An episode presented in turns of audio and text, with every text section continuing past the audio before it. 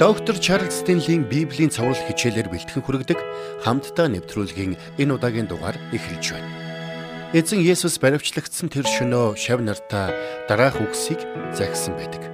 Иохан 14-ийн 3-ыг уншвал би явж та нарт орон байр бэлтчихвэл дахин ирж та нарыг өөртөө авна. Би хаана байна? Та нар мөн тэнд байх болно гэсэн байна. Энэ бол биднийг хайрлаж бидэнд санаа тавьдаг. Бурхан эзний маань гайхамшигтай амлалт юм.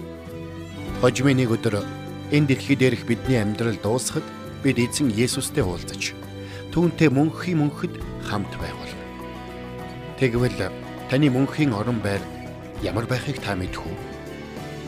Мөнхийн улсад очно гэсэн бодол таны дотор баяр хөөргийг төрүүлж байна. Хэрвээ үгүй бол та мөнхийн улсыг ямар гайхамшигтай газар болохыг төдийлөн сайн мэдэхгүй байна гэсэн үг. Тиймээс доктор Чарлз Стенли өнөөдөр бидэнд биднийг хайрласанд бидэнд мөнхийн улсыг бэлдсэн тэр агуу бурхны талаар олон гайхамшигтай үннийг хуваалцгуул. Ингээд хамтдаа доктор Стенлигийн ярианд анхаарлаа хандуулцгаая.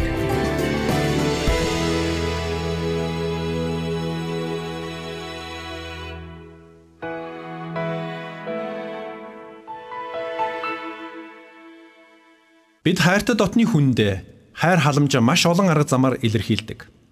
Бид тэднийг хэдий чинээ хайрлна, тэднийг хайрлах хараа төдий чинээ баяртайгаар бүтээлчээр чин сэтгэлээсээ илэрхийлэх болно.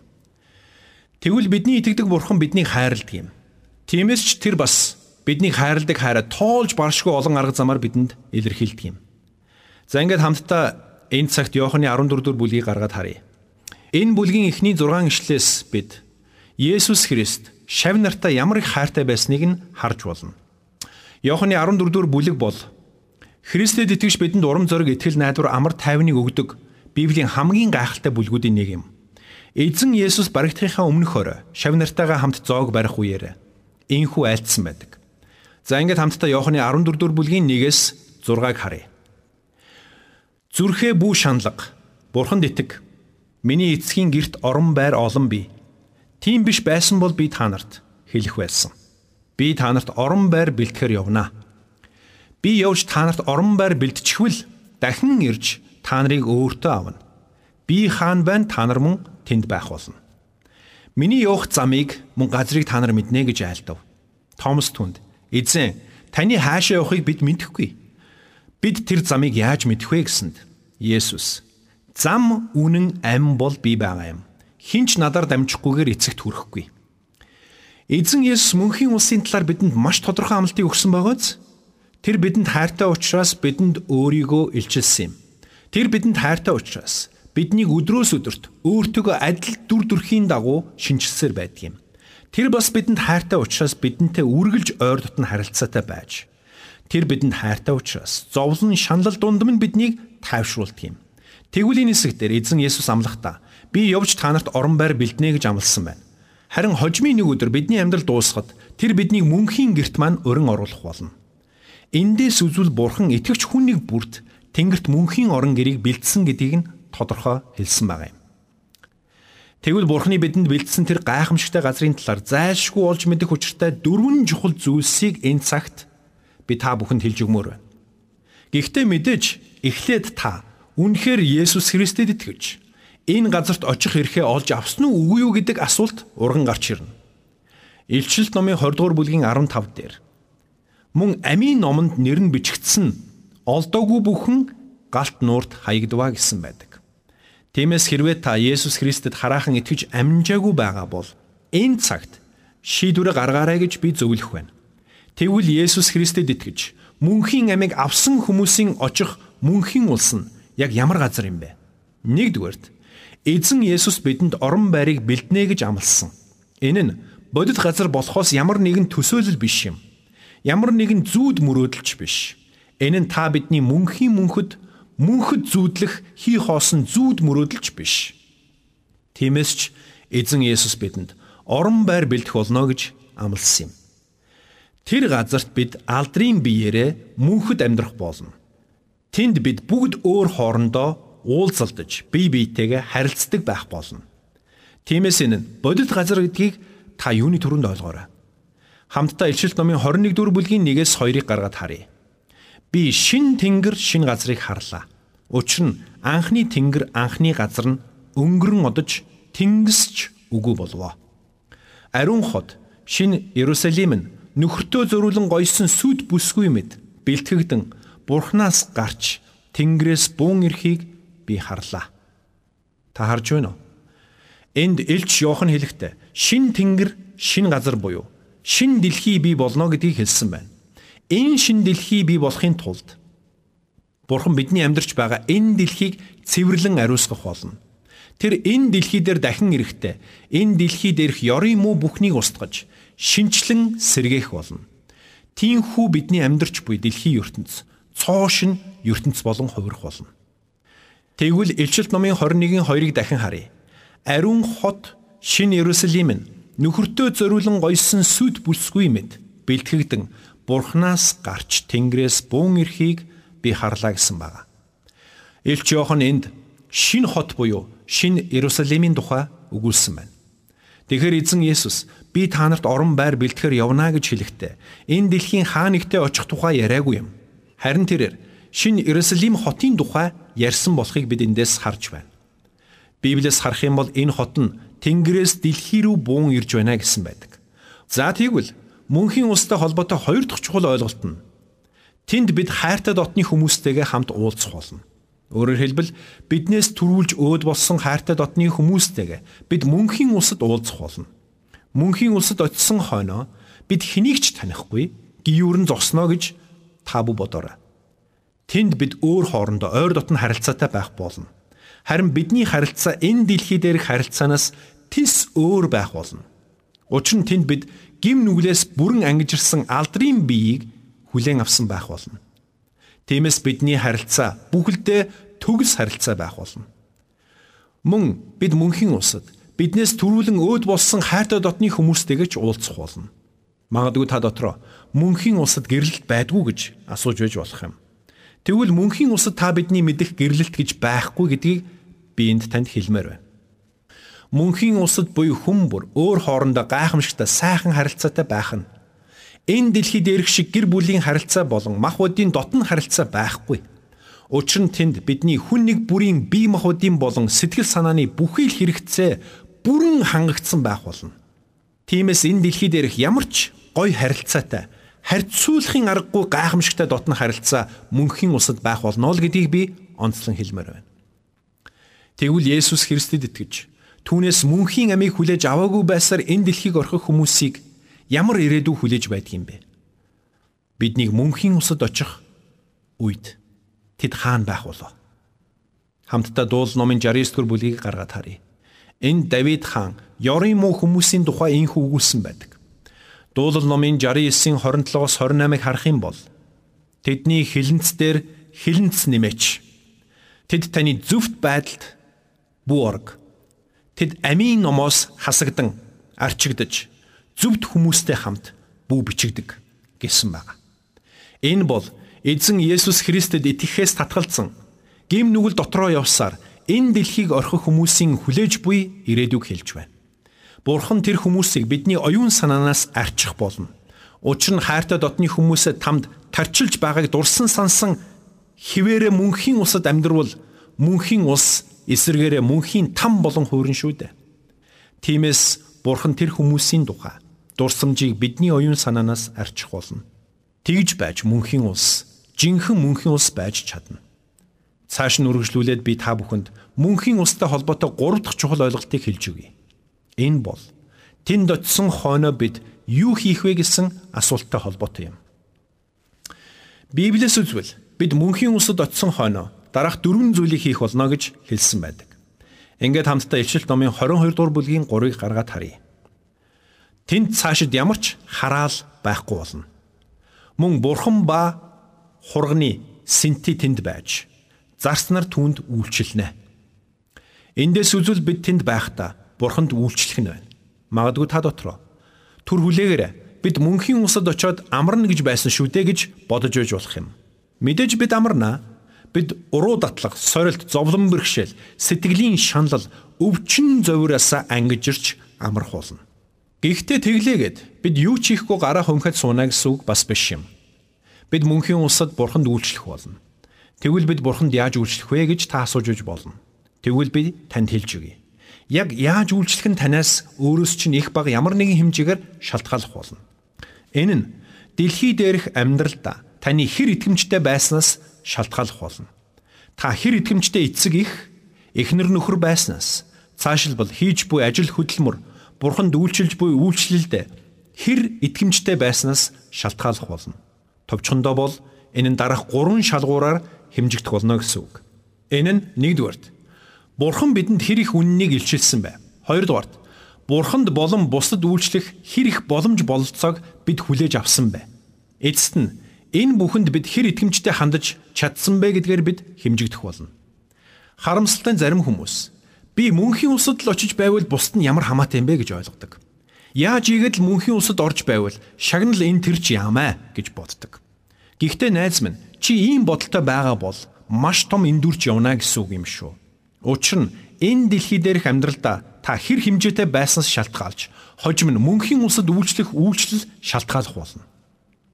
Тэгэхээр бид мөнхийн улсад очоод нэгдүгээрт эзэнд үйлчлэх болно, хоёрдугаарт бид түүнтэй хамт хаанчлах болно. Үүнийг бид бүгд маш сайн мэднэ. 2 дугаар Коринтын 2 дугаар бүлгийн 12-т хэлэхдээ Илч Паул хэрэг бид төвчвөл түүнтэй хамт мөн хаанчилна гэсэн байдаг шүү дээ. За тэгвэл 3 дугаарт бид нар мэтгийж бурхныг алдаршуулах болно. Хамтдаа Матай номын 13-ын 43-ыг уншицгаая. Тэгэхэд зөвхт хүмүүс нь эцгийнхээ хаанчлалд нар мэт гийх болно. Сонсох чигтэн сонсох түн гэсэн байна. Эндээс харвал бид нар мэт хийж бурхныг алдаршуулна гэсэн байна юм. Тэр цагт бид гим зэмгүй төгс ариун болсон байх болно. Тиймээс бидний байгаа байдал нь өөрөө Бурхныг алдаршуулах болно гэсэн үг юм. Бидний тэрхүү төгс оршихуй маань өөрөө Бурхныг алдаршуулж түүнийг хайр инрэл өршөөл нэгүслийн Бурхан болохыг нь тунгаглана гэсэн үг юм. Тэгэхээр бид мөнхийн усад нэгдүгээрт Бурханд үйлчлэх болно, хоёрдугаарт Бурхантай хамт хаанчлах болно, гуравдугаарт Бурхныг алдаршуулах нь. За тэгвэл дөрөвдүгээрт Илчил номоос харвал бид мөнхийн улсад Бурхныг мөнхөд магтан хүндлэх болно. Илчил номын туршид хүмүүс Бурхны өмнө өвдөг сүгдэн түүнд хүндлэл мөргөл өргөж байгааг өгүүлсэн байдгийн. Тэгэхээр энэ мөнхийн усад очиод нэгдүгээрт Бурханд үйлчлэх болно. Хоёрдугаарт Бурхантай хамт хаанчлах болно. Гуравдугаарт нар мэт гийж Бурхныг алдаршуулах болно. Харин дөрөвдүгээрт бид Бурханд магтаал хүндлэлийг өргөх болно. Энэ бүхнээс үзвэл мөнхийн улсад амьдрал үргэлжлэх болно гэдгийг бид харж байна. Тэнд бидний амьдрал бидний бодож төсөөлж чадхааргүй гайхамшигтай сайхан байх болно. Учир нь тэнд дутагдж гачигдах зүйл огт байхгүй байх болно. Мөн мөнхийн улстай холбоотой өөр нэгэн зүйл надад маш их таатай санагддаг юм. Тэр нь нас барсныхаа дараа мөнхийн улс руу өөрсдөө очихгүй. Харин Тэнгэрлэгч нар биднийг тийш авч явах болно. Халелуя. Учир нь бид өөрсдийн бие махбодыг энэ дэлхийд үлдээх болно. Харин бидний сүнс энэ дэлхийг орхихдоо мөнхийн улс хаана байдгийг өөрөө мэдээд очно гэсэн үг биш шүү дээ. Тиймээс бидэнд Тэнгэрлэгч нарын тусалцаа хэрэгтэй болно гэсэн үг. Лук номын 16 дугаар бүлэгт гардаг баян ир болон ядуу Лазарын тухай түүхийг санацгаая. Тэнд ядуу ирийг үгсний дараа Тэнгэрлэгч нар түүнийг мөнхийн улс руу аваатсан тухай өгүүлсэн байдаг. Луухын 16-гийн 22-оос 23-ыг хамтдаа унших юм бол ядуу ир үгсэнд Тэнгэр элчнэр түүнийг авч Авраамийн өвөр дээр тавьжээ. Баянч үгсэнд түүнийг оршуулв. Тинхүү тэр үхгсдийн оронд тарчлан байхдаа хараага дээшлүүлэн тэртээд байгаа Авраамыг болон түүний өвөрдөх Лазарыг харав. Та харж гинөө. Эзэн Есүс өөрөө энэ түүхийг айлцсан гэдгийг бид санах хэрэгтэй. Үнэхээр Есүс Христэд итгэж Бурхны хүүхэд болсон хүн энэ дэлхийг орхих үед Тэнгэрлэгч нар түүний сүнсийг авч Бурхны оршихуйд аваачих болно. Энд би нэг зүйлийг тодруулан хэлмээр байна. Бурханд итгэж Бурхны хүүхэд болсон хүн өнөөдөр нас барвал тэр хүнд юу тохиолдох вэ? Есүсийг загалмаад цовлогдох үед нь хоёр талд нь цовлогдсон гэмт хэрэгтнүүдийн нэг нь Есүсийг дооглон тухургаж байсныг та санаж байгаа бах. Харин нөгөөх нь Есүсээс авралыг гуйсан байдгийн. Лух номын 23 дугаар бүлгийн 42 43-ыг харах юм бол Тэр Есүсээ та өөрийнхөө хаанчлалд очихдоо намайг санаарай гэв. Харин 43 дээр нь тэгтэл Есүс түүнд Үннээр би чамд хэлье. Өнөөдөр чи надтай хамт Деважинд байх болно гэлээ. Хуучин гэрэнтч тэр, шин гэрэнтч тэр үхлийн дараах амьдралыг ямагт хоёр хэсэгт хуваан авч үтсэн байдаг юм. Нэг нь зовлон шаналлын газар буюу там. Нөгөө нь мөнхийн улс буюу Деважин. Юудэчүүд энхүү мөнхийн улсыг Авраамийн өвөр хэмээн нэрлэдэг байсан байна.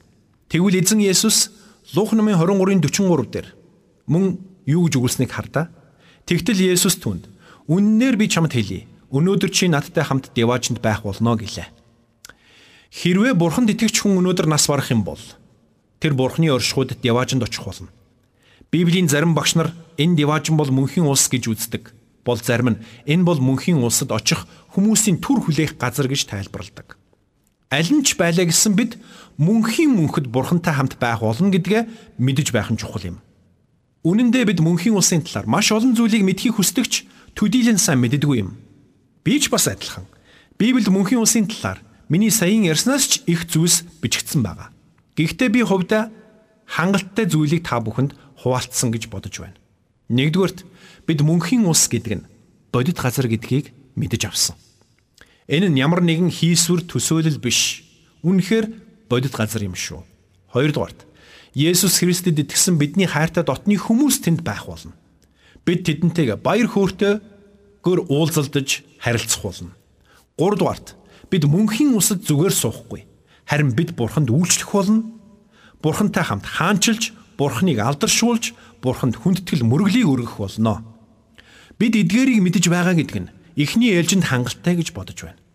Нөгөөтэйгүр мөнхийн улсын талаар бидний мэдэх хамгийн чухал зүйл бол мөнхийн улсад хэрхэн очих арга зам юм.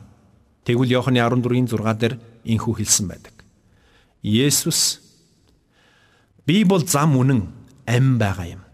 Хинч надаар дамжихгүйгээр эцэгт хүрэхгүй гэж хэлсэн байна. Найз минь энэ дэлхий дээр маш олон шашин итгэл үнэмшлүүд бий. Гэхдээ мөнхийн улсад хүргэх цорын ганц зам гэж байгаа юм шүү. Өнгөрсөн хугацаанд маш олон иш үзүүлэгчд, маш олон номлогчд, маш олон багш нар гарч ирсэн. Гэвч мөнхийн улсад хүргэх зам ганц л бий. Иохны 14-ийн 6-аг дахин танд хэлж өгье. Есүс зам, үнэн, ам бол би байгаа юм. Хинч надаар дамжихгүйгээр эцэгт хүрэхгүй. Үнэхээр та мөнхийн улсад очихыг хүсэж байгаа бол Бурхны өмнө гим нүглээ гимшиж би таны цорын ганц хүү Есүс Христэд итгэж байна Таны хүү миний төлөө загалмай дээр амиа өгч миний гим нүглийн төлөөсийг бүгд нь төлсөн гэдэгт би итгэж байна. Би түүнийг аврагч эзнээ болгон хүлээн авч байна хэмээн залбираарай. Та энэ залбирлыг заавал үг бүрчлэн давтахгүй байж болно. Гэхдээ хамгийн чухал нь та бүтээгдэхдээ Бурхны дүр төрхөөр бүтээгдсэн. Харин гим нүглээс болж та Бурханаас тусгаарлагдсан. Тиймээс хамгийн чухал нь та гим нүглээ Бурхны өмнө гимшиж хүлээн зөвшөөрөх хэрэгтэй. Та түүний хүү Есүс Христийг аврагч эзнээ болгон хүлээн авахдаа бэлэн байх ёстой. Бас Есүс Христэд итгэсэн тэрл мөчөд таны бүх гим нүгэл бүрэн уучлагдж та Бурхны хүүхэд болсон. Бурхны мөнхийн улсын иргэн болсон гэдэгтээ итгэх ёстой. Эрт өрөө хизээ нэгэн цагт бид үхэлтэй нүүр тулах болно. Тэгээд бид нэг бол Бурхны өмнө тусгаарлагдах мөнхийн зовлонд нэг бол бурхантай мөнхөд хамт байх мөнхийн усад л орох болно. Магадгүй та дотроо бид үүнд чинь итгэхгүй байна гэж хэлж байж болох юм. Гэхдээ найз минь үнэндээ чиний үүнд итгэх, эс итгэх тэмч чухал биш. Харин Бурхны үг болох Библиэд юу гэж бичигдсэн байна вэ гэдэг л хамгийн чухал юм шүү. Учир нь бид өөрсдийн үзэл бодол хандлагаараа биш. Харин энэ номонд бичигдсэн үнний дагуу шүүгдэх болно. Хожмын нэгэн өдөр үхэлтэй нүүр тулах тэр цагт энэ номыг амьдралынхаа туршид үл тоож ирсэндээ харамсах болно. Үгэлдээ нүүр тулах тэр цагт хэрвээ танд Бурхны үг болох Библи байхгүй бол Бурхны илгээсэн аврагч Есүс байхгүй бол Бурхны өгсөн ариун сүнс байхгүй бол танд юу байх вэ? Үнэндээ юу ч байхгүй байх болно. Тиймээс би танаас Есүсийн нэрээр гуйж байна. Есүс Христийг аврагчаа болгон хүлээн аваарай. Яг одоо түүний өмнө залбираарай. Би таны эсрэг нүгэл үйлдэлсэн байна. Би танд итгээгүй. Би таныг үгүйсгэсэн байна. Би таны эсрэг тэрсэлсэн байна. Харин өнөөдөр би таны үгэнд итгэж таныг аврагч эзнээ болгон хүлээн авч байна. Танаар дамжуулан ирэх гим нүглийн уучлалыг хүлээн авч Бурхан эцгийн хүүхэд болохыг хүсэж байна хэмээн залбираарай. Тэр цагт та мөнхийн улсад хүрэх цорын ганц тэрл замаар алхаж эхлэх болно. Хэрвээ таны нэр амийн номд бичигдсэн бол өнөөдрийн үгс танд урам зориг өгсөн нь гарцаагүй юм. Харин хэрвээ та Есүс Христэд итгэж түүнийг аврагчаа болгон хүлээж аваагүй байгаа бол мөнхийн улсын үүд хаалга таны хувьд хаалттай юм. Тиймээс та доктор Стенлийн зөвлөсний дагуу Есүс Христэд итгэж түүнийг аврагч эзнээ болгон хүлээж аваарай. Тэр цагт мөнхийн улс таны мөнхийн орон гэр болон хувирах болно. Йошуа 23-ын 14-д хэлэхдээ Бурхан эзний тань та нарын тухайд айлтсан бүх сайн үгсээс нэгэн ч талаар өнгөрөөгүй. Нэг ч үг хөсөрдөөгүй. Бүх үг биелсэн гэдгийг та нар бүх зүрх, бүх сэтгэлээрээ мэдэж байгаа. гэсэн байдаг бол дэд хууль 7-гийн 9-д. Тиймээс чи мэдэж ав. Бурхан эзэн чинь бурхан бөгөөд тэрээр итгэмжит бурхан юм. Өөрийг нь хайрлаж, тушаалыг нь дагагчдад тэр мянган үеийг нь хүртэл гэрээгээ сахиж хайр инэрлээ үзүүлдэг гэсэн байдаг. Энэ хоёр ишлэлд бидний эзэн бурхны итгэмжит байдлыг тунхагласан байна. Тэр үнэхээр итгэмжит бурхан учраас мөнхийн амийн талаарх түүний амлалтуудад бид бүрэн итгэлтэй байж болно. Тиймээс бурханд итгэж мөнхийн амийг хүлээж аваарай.